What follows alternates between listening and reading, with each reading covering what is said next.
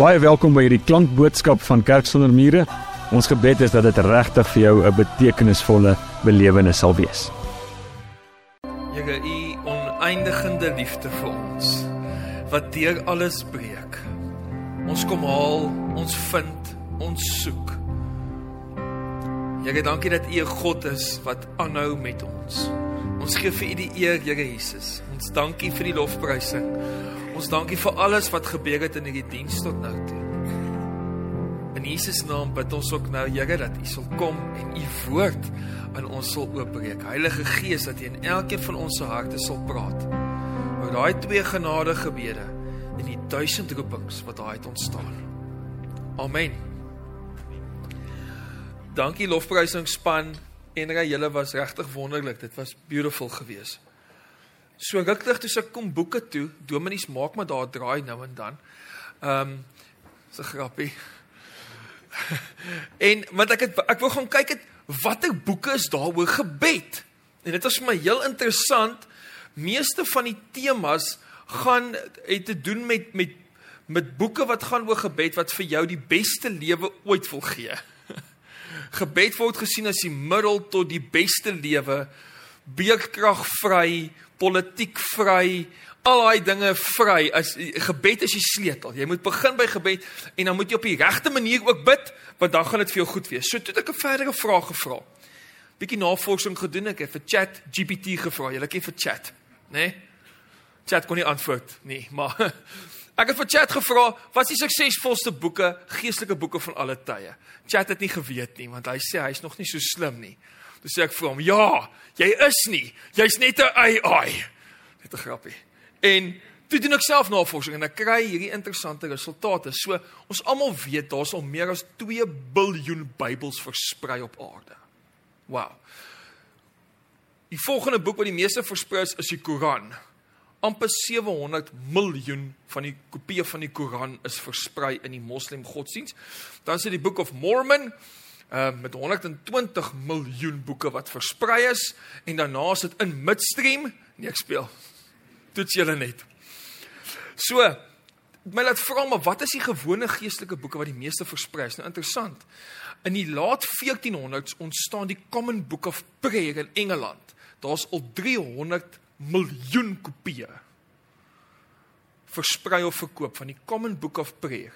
Mense wil weet hoe om te bid 300 miljoen. Net bo hom eintlik is 'n boek wat geskryf is deur 'n man met die naam van Thomas A. Kempis. Dit is geskryf van die laat 1100s voor 1200s. Die titel van die boek is Die Navolging van Christus. Dis in Afrikaans ook gedruk. Ek het 'n kopie by my. Jy kan myne leen of jy kan hom by Kom Boeke gaan koop. Hy is daar. Ek was mos nou daar, so ek weet. En daai boek het waarskynlik al meer as 300 miljoen versprei en verkoop. Hulle is nie seker nie. En Thomas A. Kemp stel hierdie boek saam op grond van twee beginsels. Die een is die navolging van Christus gaan vorm oor twee dinge. Die eerste ene is oor hoe leer ek die Here ken uit sy woord uit en die tweede deel is hoe praat ek met hom? Hoe praat ek met Jesus?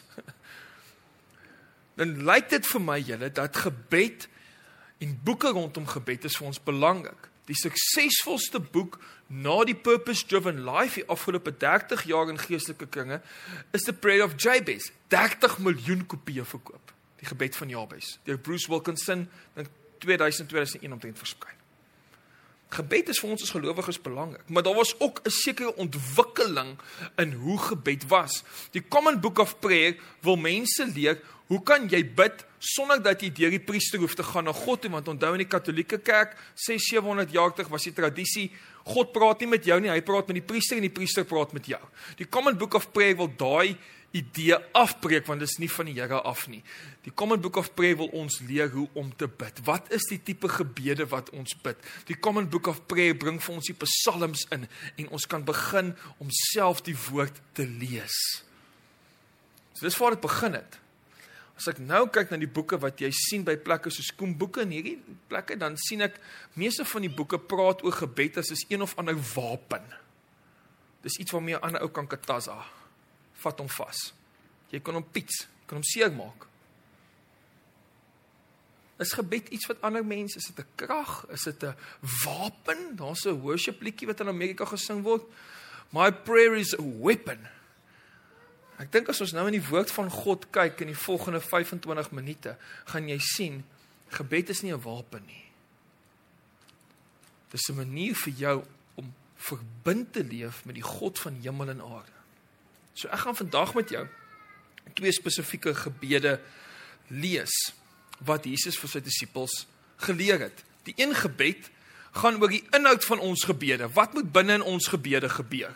Die tweede ene gaan oor spesifiek die houding waarmee ons moet bid. En nou sal jy dink die houding van ons gebede is nie so belangrik nie. Ons lees in die Ou Testament van Samson. Jy onthou vir Samson. Samson bid net twee keer. Die eerste keer sê hy vir die Here, "Hoor jy ek's honger, maak 'n plan." Asseblief, magie, magie is leeg. Regtig. Mens sien nie eers dat hy die gebruikelike Hebreëse vorm gebruik om God aan te spreek. Dit is net ek's honger, maak 'n plan. Die tweede keer wat hy bid, is nadat hy hom gevang het en sy oë uitgesteek het en hy's daar onder in 'n plek en nou het sy hare gegroei en dan sê asseblief Here gee my krag dat ek die pilare kan omstap dat ek mense kan doodmaak. Dis Samson se twee gebede. Ek dink hy het 'n probleem gehad met die inhoud en ook met die houding. Die houding van ons gebede is belangrik. So die eerste gebed waarna ons gaan kyk is gaan spesifiek oor die inhoud van ons gebede. Waarmee vul ons ons gedagtes wanneer ons na God toe gaan in gebed? En die tweede ene is hoe gaan ons in gebed na God toe? Ek doen dit alles met die in gedagte natuurlik dat vandag ook Vadersdag is. So ons gaan begin by daai spesifieke 1. Ons gaan begin by Lukas 11 vers 1 tot 4. Lukas 11 vers 1 tot 4. Ek gaan in die Afrikaans 83 lees. My geboortejaar. Ek weet dit is moeilik om te glo. Jesus was ergens op 'n plek besig om te bid. Toe hy klaar was, sê een van sy disippels vir hom: "Here, leer ons bid." Soos Johannes ook sy volgelinge geleer het. En hy sê vir hulle: Wanneer julle bid, sê dan: Vader, laat U naam geheilig word. Laat U koninkryk kom. Gee ons elke dag ons daaglikse brood en vergeef ons ons sondes, want ons vergewe ook elkeen wat teen ons oortree en laat ons nie in versoeking kom van die ander evangelie of van die ander evangelieskrywers pak nou natuurlik die onsse Vader meer meer uit met meer dinge wat Jesus gesê het, maar Lukas onthou hierdie as die essensie van hoe Jesus hulle geleer bid het. Wanneer jy bid, sê dan Vader, laat U naam geheilig word. Dis die eerste deel van die inhoud. Nou sal jy wonder, hoe gaan ek na God toe en begin deur te sê, Here, U is heilig. Dit is baie eenvoudig. Ek gaan dit vir julle verduidelik aan die hand van iets wat met my gebeur het so 7, 8 jaar terug. Ek is op pad van Unisa af terug Johannesburg toe. En of dit was ek in daai omgewing gewees en ek kom by Fontaine Circle en net aan die kant Fontaine Circle voor jy op die snelweg klim, staan daar 'n vrou met 'n plakkaat. Sy lyk min of meer my leeftyd, dalk bietjie ouer met nat gehuilde oë. Sy bewe soos sy daai plakkaat vas, so van haar neus af onder toe, net haar huilende oë steek uit. Waarskynlik steek net haar huilende oë uit. Ek dink sy wou haar oë ook wegsteek, maar sy oë moes wegsteek so 'n kar wat dalk raak kry. So net die oë steek uit, maar sy snik soos sy huil. En die bordjie sê net die volgende: Down and out. Don't know where to start. Down and out. Don't know where to start. Nie gee my 10 rand nie niks nie. In daai twee sinne verklaar sy haar totale onbekwaamheid en afhanklikheid van ander mense. Wanneer jy na God toe gaan en vra, Here, ek's down and out, don't know where to start, dan sê jy eintlik vir God, U is heilig. Asseblief, U is heilig. U moet iets kom doen. Ek ek weet nie om te begin nie. Praat so ek terug met 'n pel van my van skool en hy's op daai plek. Hy sê vir my, ek weet nie meer waar, ek weet nie, ek weet nie om na God toe te gaan nie. Ek weet nie. Sê ek, maar sê maar net dit vir hom. Hy sê ek weet nie om te begin nie. Ek sê sê vir hom, Here, ek weet nie waar om te begin nie. Want daai oomblik wanneer jy sê Here, ek weet nie hoe om te begin nie, sê eintlik, Here, U is heilig. U is heilig. U is die een wat vir my die oplossings gaan gee. U is die een wat my lewe vashou. U is die een wat in beheer is. U is heilig. Here, ek weet nie waar om te begin nie. Down and out. Don't know where to start. As dit die inhoud van ons gebede moet ook die houding hê van Here U is heilig. Ek is net 'n mens. Daarom begin ons ons gebede met hierdie verklaring. Here help. Dis om te sê U is heilig. So Jesus sê vir sy disippels wanneer julle bid sê dan Vader laat u naam geheilig word. Ons sê dit deur net ons afhanklikheid aan God te verklaar.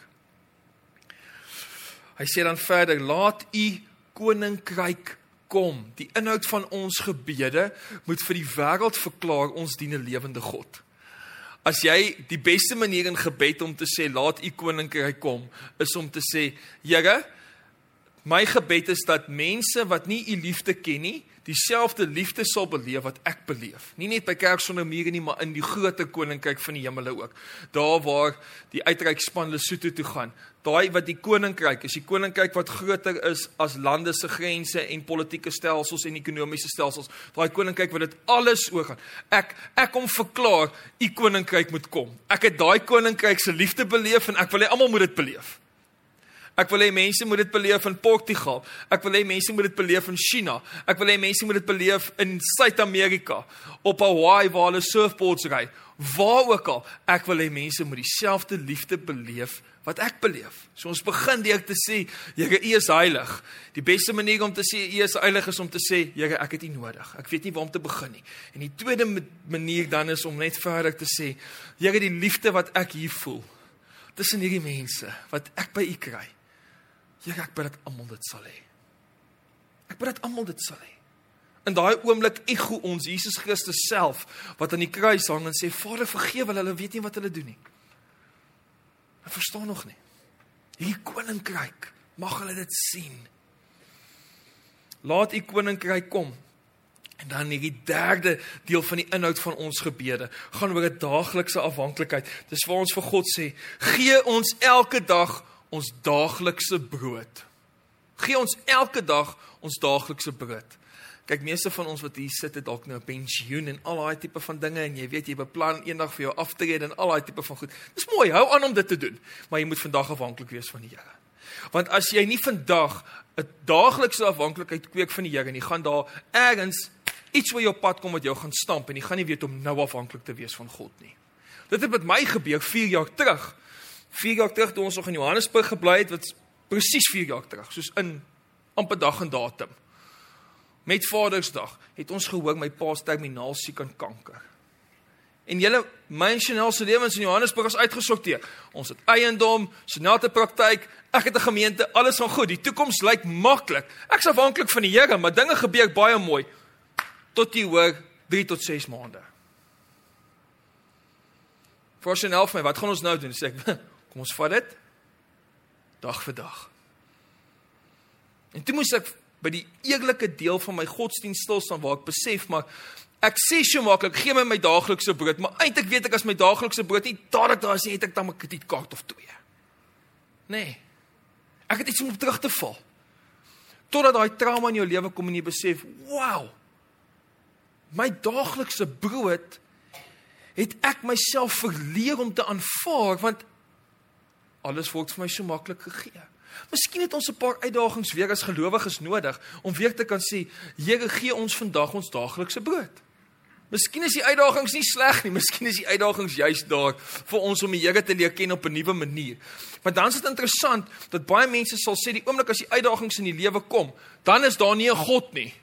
Dis juist 'n teken dat daar 'n God is. En dan wil ek gaan kyk na van die boeke oor gebed wat dalk eintlik vir jou sê as jy nie reg bid nie, dan het jy nie dan kan jy nie ontvang nie, nê? Nee. Ah.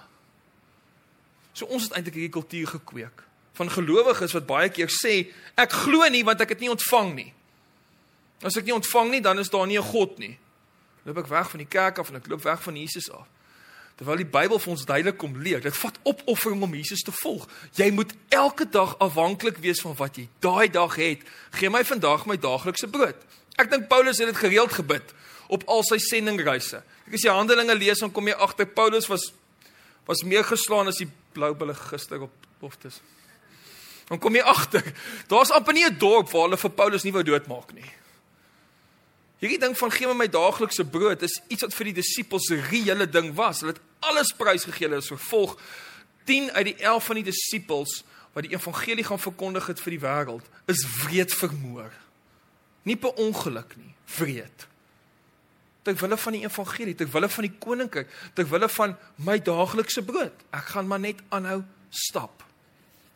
So wanneer ons sê Here gee ons ons daaglikse brood, dan sê ons eintlik vir die Here in ons gebede. Nou die eerste een is ons het gesê Here laat U naam geheilig word. Ek is afhanklik van U. U is God, ek is nie. Die tweede deel is Here hierdie liefde wat ek by U beleef, mag die hele wêreld dit sien. En die derde deel van die inhoud is Here gee my genoeg vir vandag dat ek kan getuig Jesus leef. Dat ek nie kan staan en getuig en sê, "Wow, het julle gesien hoe goed lyk my ekonomiese groei nie?" Maar dat ek kan getuig, ek het vandag genoeg absoluut net as gevolg van God se genade. Dis die derde deel van die inhoud van ons gebede. En dan sê die derde een en ver, of die vierde een en vergeef ons ons sondes want ons vergewe ook elkeen wat teen ons oortree. Gelowiges is mense wat gekenmerk moet word dat vergifnis deel is van alles wat hulle aanpak. Net daai deel. En vergeef ons ons sondes want ons vergewe ook elkeen wat teen ons oortree. Ons glo in 'n God wat vergewe en ons wil bekend staan as mense wat ander vergewe. Ons het net nou ja, toe ons begin met die tweede diens, ek is nou sommer personeel grappie. Toe staan ons hier agter toe sê Dirk ons kostek so spottend wys en sê toe sê ons ja, die diens is nogal stil. Toe maak Dirkie grap toe sê Ja, die mense kyk maar wie preek voor hulle kom, hoor. Vir my nou vir 'n grapie, jy weet. Toe sê ek, "Dirk, ek vergewe jou. Ek vergewe jou. Gaan vir almal vertel hoe ek jou vergewe het." Die vergifnis moenie die woorde wees nie, dit moet die houding wees. Ek sê dit nou as 'n grappie. Ons het voor die tyd gesê ons gaan nie grappie maak. Want dit moet gaan daaroor dat baie mense hou daarvan om te sê ek moes 'n klomp mense vergewe, maar weet jy wat as jy vir almal moet vertel hoe jy almal al vergewe het, dan gaan dit eintlik so bietjie oor jou en nie oor God nie, nê? Nee. Mense wat werklik vergewe is, is mense wat vergewe. Hulle praat nie daaroor nie. Hulle hoef nie 'n groot toneel van dit te maak nie. Hulle vergewe net. Dit kom uit hulle harte uit. Die inhoud van ons gebede moet vergifnis wees. Wanneer jy in gebed na God toe gaan en jy sê vir hom, asseblief Here, help my om mense te vergewe wat my seer gemaak het. Dan word jy gekenmerk as iemand wat iets van vergifnis beleef. Vadersdag is ook nie altyd vir almal maklik nie. Want baie keer besef jy weer in jou gebed, ek het dalk nodig om my pa of my ma te vergewe. En dan wil ek vir jou sê, dis my gebed dat die Here jou sal neem op 'n baie spesiale reis in jou gebed rondom vergifnis. Ons moet bekend staan as mense wat vergewe. En dan die laaste een wat Jesus sê is en laat ons nie in versoeking kom nie. Ons moet bid en vra vir die Here om ons in hierdie koninkryk deel te maak van 'n stelsel waar ons weg is van die dinge wat ons wat ons versoek. Niels het so 'n paar weke terug spesifiek oor dit gepreek en dan sê hy dis amper soos daai barriers, né? Nee? Onthou jy die preek? Sê baie gelowiges wil so naby as moontlik aan daai barrier loop. Jy moet wegloop van daai barriere af. Jy moet bekend staan as iemand wat nie naby versoeking wil wees nie maar wat in God se wil wil leef. Dis my gebed dat jy so iemand sal wees en dat jy in jou gebedslewe na God sal dra en sê Here, waar is die versoekings en help my om dit te te staan. Julle, dis die vyf elemente in die inhoud van ons gebede. Nou gaan ons kyk na die houding. Matteus 7 vers 7 tot 12 gaan ek gou vir ons lees en dan gaan ons kyk na die houding en hierdie is nogal 'n teksvers wat baie keer deur die deur mense misbruik word om te sê, maar sien, Jy het nie gevra nie en nou het jy nie. Dit gaan nie daaroor nie. Ek gaan vir jou iets hier kom wys oor die houding vandag. Jesus kom sê hierso: Vra en vir julle sal gegee word. Soek en julle sal kry. Boem, stop net daar. Daai's 'n lekker preek. Wat sê dit? Gaan na God toe, vra vir my, gaan vir jou alles gee, se reg. Dis mos waaroor dit gaan, nê? Nee. Not so much. Kom ons lees verder. Klop en vir julle sal oopgemaak word, want elkeen wat vra, ontvang en elkeen wat soek kry en vir elkeen wat klop sal oopgemaak word. Dan verduidelik Jesus nou baie mooi in die laaste deel wat hy bedoel. Watter mens onder julle sal vir sy seun 'n klip gee as hy brood vra of 'n slang as hy vis vra? As julle wat sleg is, dan weet om vir julle kinders goeie dinge te gee, hoeveel te meer sal julle Vader wat in die hemel is, goeie gawes gee aan die wat dit van hom vra. Waaroor gaan dit hier? Gawes. Gaan dit oor materiële dinge? Nee. Dit gaan oor gawes. Dit gaan gawes is dit wat God vir ons gee om die koninkryk uit te bou, om daai gebed wat ons die inhoud nou net van gelees het, 'n werklikheid te laat maak. Here, gee my die gawes. Gee my nog meer invloed dat ek 'n groter verskil kan maak, nie vir my nie, Here, maar vir U. Dan word, Here, gee my die promosie by die werk, nie meer, Here, ek soek die promosie want dan kan almal sien ek het meer geld nie. Dan gaan dit oor, Here, gee my die promosie want ek wil vir meer mense verskil maak in hulle lewens. Dis 'n ander gebed, nê? Nee. Dis 'n ander gebed. Dan word dit Here gee my die gawe want ek wil u liefde vertel. Die houding moet wees eerstens Here, u is die een wat vir my kan voorsien. So die houding, eerste deel van die houding wat ons hier sien is Here, u is die een wat voorsien. Wie van julle het al gesien op hierdie aksieflieks baie keer hier as hulle in 'n moeilike plek is? Dan dan sal 'n ou gou ouetjie wat bid. Here, ek weet ek kom nie baie na u toe nie, maar asseblief help my om hierdie mes in die hande te kry. Daai tipe van houding. Baie gelowiges leef so. Nou hy alles self probeer het, dan sê hy, "Miskien moet ek dalk nog net 'n opskiet gebedjie gee." Ag, Here, kort hulp by die werk. Amen. Jesus kom leer vir ons die houding waarmee ons na ons Vader toe moet gaan is in 'n diepe afhanklikheid dat hy kan voorsien en om te sê, "Here, U is die een wat dit kan doen." Baie van ons het 'n prentjie van God ongelukkig wat van ons eie paas af kom waar ek sê, "Hoorie, gaan sit nou en kyk TV. Ek het nie nou lus vir jou nie." Dis nie God se houding teenoor ons nie. So ons hoef nie hierdie een sinnetjie gebede houding teenoor God te hê nie. Ons kan gaan. Ons kan maar klop en klop en aanhou bid. Die houding moet altyd wees ek hou aan bid. Ek wil hê jy moet dit hoor vandag. Die houding van ons gebede moet altyd wees ek sal aanhou bid en bid en bid. Onse Vader wat in die hemele is. Laat U naam geheilig word. Laat U koninkryk kom. Laat U wil geskied soos in die hemel, net so ook op die aarde. Gee ons vandag ons daaglikse brood en vergeef ons ons skulde soos ons ook ons skuldenaars vergewe. En lei ons nie in versoeking nie, maar verlos ons van die bose, want aan U behoort die koninkryk en die krag en die heerlikheid tot in ewigheid. Amen. Indien hierdie boodskap vir jou iets beteken het, dan wil ek vir jou vra, deel dit asseblief met iemand wat jy ken. En moet asseblief nie vergeet nie, ons sal jou bitter graag wil verwelkom by ons in-persoon eredienste op Sondag. Vir meer inligting oor Kerk sonder mure, is jy baie welkom om ons webtuiste te gaan besoek of ons op sosiale media te volg.